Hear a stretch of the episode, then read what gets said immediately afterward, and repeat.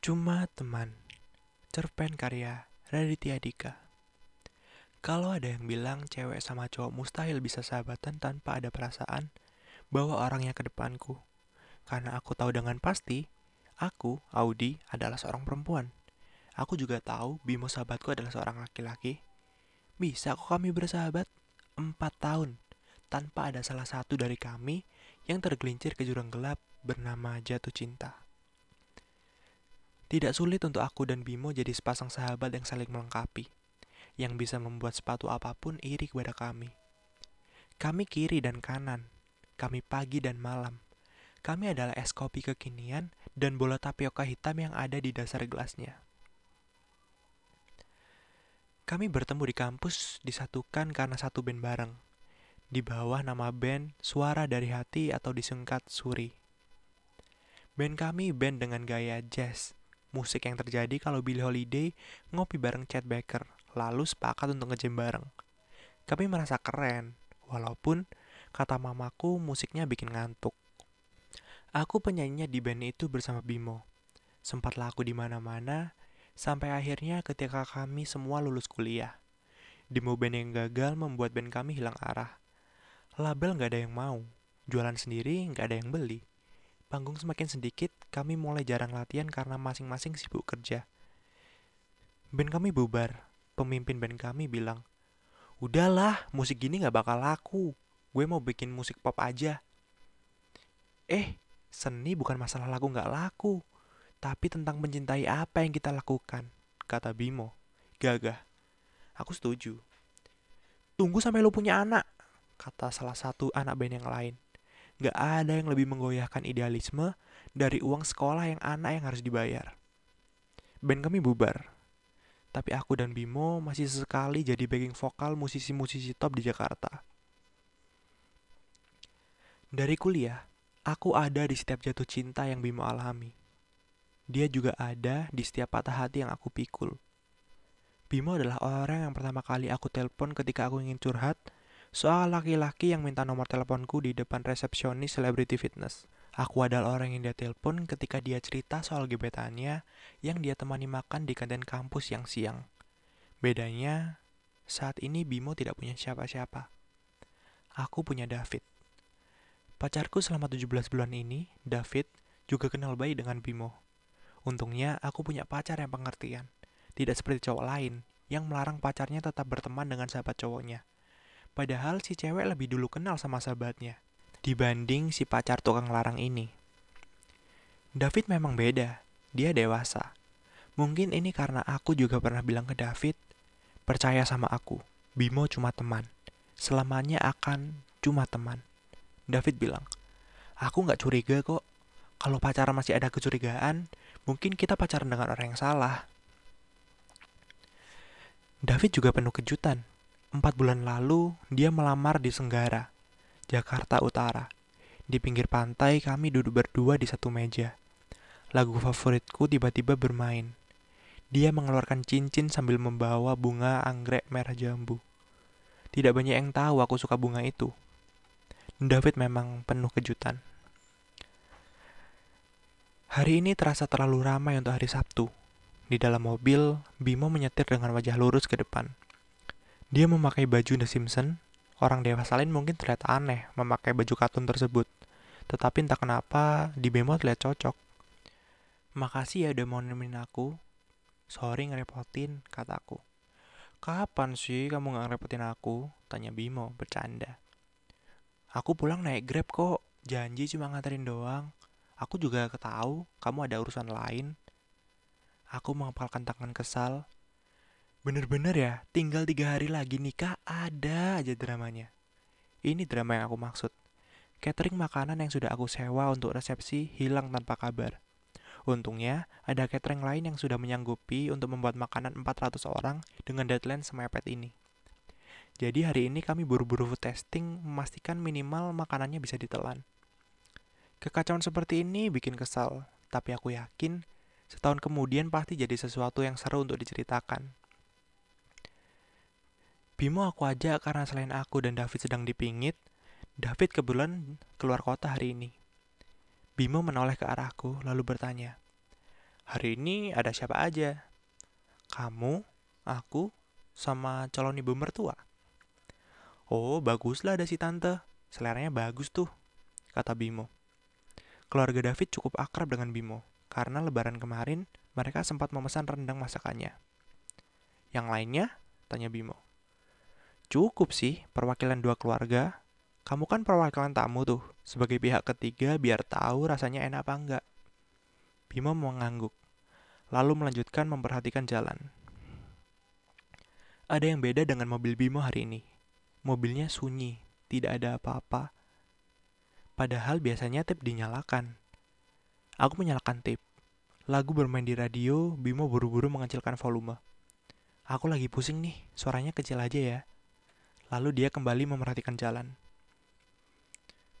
Di ruang food testing, satu demi satu makanan datang. Kami duduk di sebuah meja yang terlalu besar untuk tiga orang. Calon mertua yang datang hampir bersama dengan aku dan Bimo ada di ujung meja. Sementara aku dan Bimo duduk bersebelahan di ujung yang lain. Di tengah-tengah mencoba kami guling, Bimo menghela nafas. Dia masih terlihat muram. Ini ada yang salah dan terlalu lama untuk dibiarkan. Aku pun bertanya, Bim, kamu kenapa sih? Beda banget hari ini. Bima malah menjawab dengan bersuara pelan agar calon mertua tidak mendengar. Mau tahu banget atau mau tahu aja? Kamu bercanda lagi aku siram ya. Aku bersiap memegang gelas. Ya udah, kata Bimo. Beneran nih ya, kamu mau tahu kenapa aku begini? Iya, bener. Buruan ngomong, lama banget deh. Aku menegak es jeruk sambil menunggu Bimo bicara. Aku sayang sama kamu, kata Bimo. aku tersedak. Bulir jus jeruk nyangkut di tenggorokan. Audi nggak apa-apa, seru calon mertua dari ujung meja panik. Aku buru-buru mengambil serbet dan menghapus noda jeruk di bajuku. Gak apa-apa, jawabku singkat. Kok sampai keselak sih? Tanya Bimo. Nih, air putih. Aku berusaha tenang. Enggak, aku tadi salah dengar. Aku pikir kamu bilang aku sayang kamu. Kamu ngomong apa sih tadi? Aku menegak air putih untuk membasuh bulir jeruk yang nyangkut. Aku sayang sama kamu, kata Bimo lagi. Kali ini aku tersedak lumayan dahsyat sampai ada air yang keluar dari lubang kanan hidungku. Astaga Audi, aduh nggak apa-apa, tanya calon mertua. Gelasnya kegedean nih, kataku mencari alasan. Calon mertua terlihat panik. Iya nih, duh, mas mas, sini mas. Ini nanti pas resepsi pakai gelas dari sini nggak? Gelasnya bisa dikecilin aja ya. Si pelayan terlihat panik menjawab pertanyaan dari calon mertua. Aku melotot ke arah Bimo, setengah berbisik. Kamu bercanda apa gimana sih? Aku serius, kata Bimo, singkat. Aku semakin melotot. Hah? Kamu sayang sama aku? Kamu gila apa bego sih? Pilih salah satu aja, jangan semuanya. Kita kan udah bahas ini dulu, empat tahun yang lalu. Kita bilang kita bakalan best friend forever. Iya kan? Tapi kenapa kamu tiba-tiba gini? Iya, itu kan empat tahun yang lalu. Terus? Terus aku begini sekarang, kata Bimo. Kenapa kamu jadi sayang sama aku, Bim? Kenapa? Kok bisa-bisanya gitu loh? Audi, Bimo terlihat bingung. Aku gak bisa ngatur hati aku maunya ke mana. Dia maunya kamu, gimana dong? Gimana dong? Tanyaku. Iya, gimana dong? Tanya Bimo balik.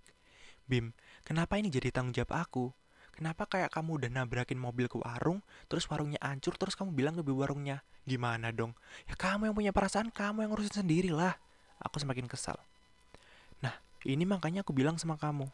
Ya nggak di food testing nih karena aku dong. Nggak pas satu meja sama calon mertua dong. Bima menggeleng. Ya maaf deh, di Youtube nggak ada tutorial cara uninstall perasaan ke sahabat sendiri. Aku berkata keras, asem lo. Calon mertua melihat ke arah kami. Ada apa, Udi? Apa yang asem? Ini tante, kataku. Kok agak asem ya sate kambingnya? Calon mertua melotot.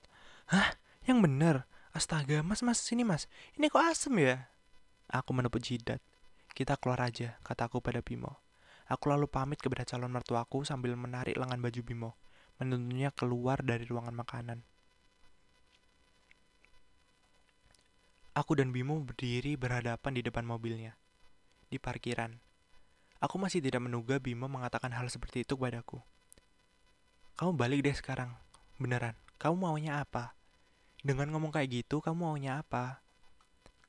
Aku cuma mau kamu tahu, kata Bimo. Itu doang kok. Aku menggaruk kepalaku dengan frustasi. Sejak kapan? Dari lama. Dari dua tahun yang lalu. Dari band kita kelar. Aku nggak tahu. Perasaan itu datang pelan-pelan, lalu tiba-tiba. Ini semua dimulai setelah kita nonton konser Naif di Istora. Tiketnya masih aku simpen. Kamu aku anterin pulang ke depan pagar, Aku anterin kamu, kamu turun dari mobil, aku ngeliat punggung kamu mau ke pintu, masuk ke dalam rumah, lalu aku ngerasa ada yang hilang. Apa yang hilang? Handphone. Kamulah, Bimo lihat kesal. Aku kehilangan kamu. Kamu turun dari mobil, aku langsung kangen mau ketemu lagi. Itu. Itu yang bikin aku ngerasa ada yang hilang. Hening. Gila kamu ya? Aku mengusap-ngusap wajahku frustasi. Aku bangga banget loh sama ini ini yang kita punya aku nggak tahu kalau diem-diem kamu jadi suka sama aku aku nggak tahu kamu nggak sadar apa kenapa waktu itu di Alfamart aku tiba-tiba beliin kamu coklat aku bilang ini biar semangat kerjain tugas kantornya ya aku pikir kamu baik aja kata aku jujur aku baru sadar kadang orang bisa salah mengartikan perhatian dengan kasih sayang tapi kali ini aku sebaliknya pantesan aja kamu tiba-tiba jadi baik ke aku belakangan ini Aku pikir kamu udah tobat jadi orang. Aku pikir gara-gara kamu nonton serial apa gitu, anak muda kena kanker yang bikin kamu sadar bahwa hidup itu singkat. Makanya kamu berbuat baik ke orang lain. Gak taunya kamu jatuh cinta sama aku. Astaga Bimo.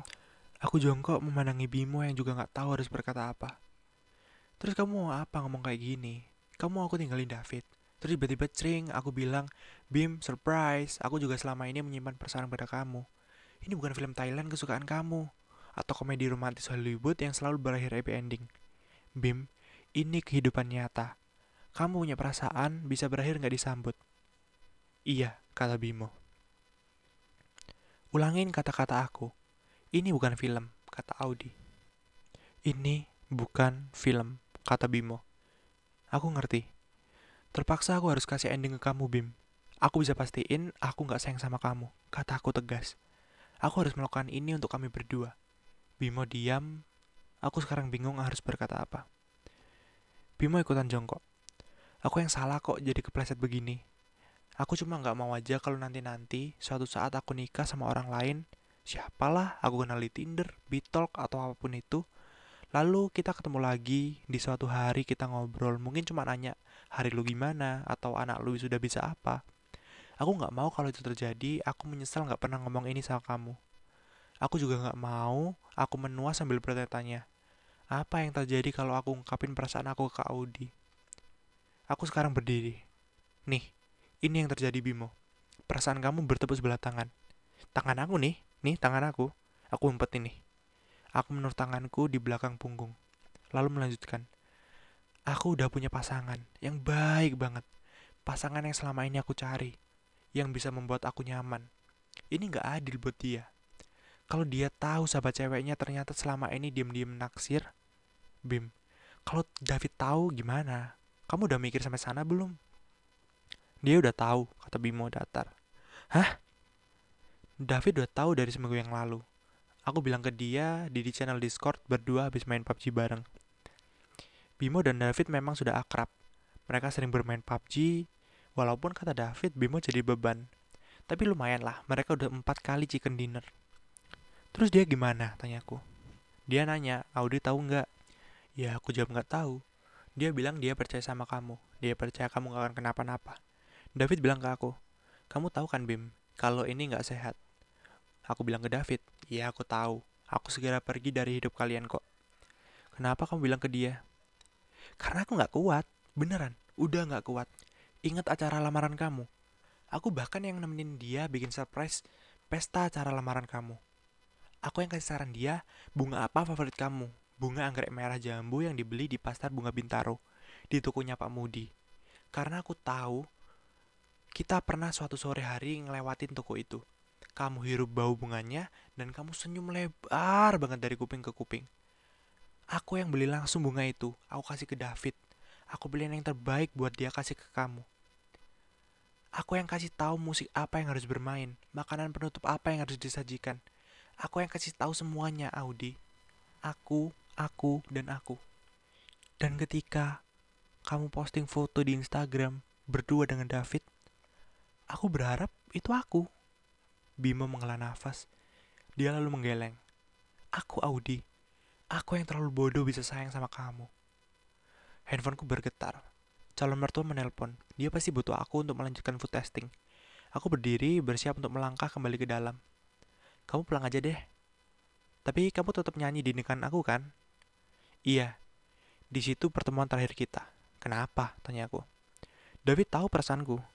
Yang paling adil buat dia adalah aku pergi menjauh dari kamu, dari kalian. Lebih baik aku kehilangan sahabat daripada kamu kehilangan kebahagiaan kamu. Aku berdiri dan berjalan ke arah Bimo. Aku melewatinya, Bimo tertegun. Aku membalikkan badanku, melihat tepat ke matanya, dan bilang, Maaf ya Bim, semoga kamu mendapatkan apa yang kamu mau. Tapi yang jelas, itu bukan dari aku. Itu adalah kata-kata terakhir yang aku ucapkan kepada dia. Berkat dibingit, pertemuanku kembali dengan David benar-benar ketika hendak ijab kabul. Selesai ijab kabul, kami lantas resepsi. Di atas pelaminan, kami juga belum sempat ngobrol satu sama lainnya. Tamu baru datang, silih berganti. Salaman bersemu dengan salaman lagi. Begitu terus menerus. Setelah beberapa saat, kami bisa bernapas lega. Kami duduk sebentar sambil minum air putih dari gelas plastik. David melihat ke arahku sekalimat pertamanya setelah dua minggu tidak bertemu adalah, Bima udah bilang. Iya, kataku, tiga hari yang lalu. Baguslah, David menghabiskan air di gelasnya.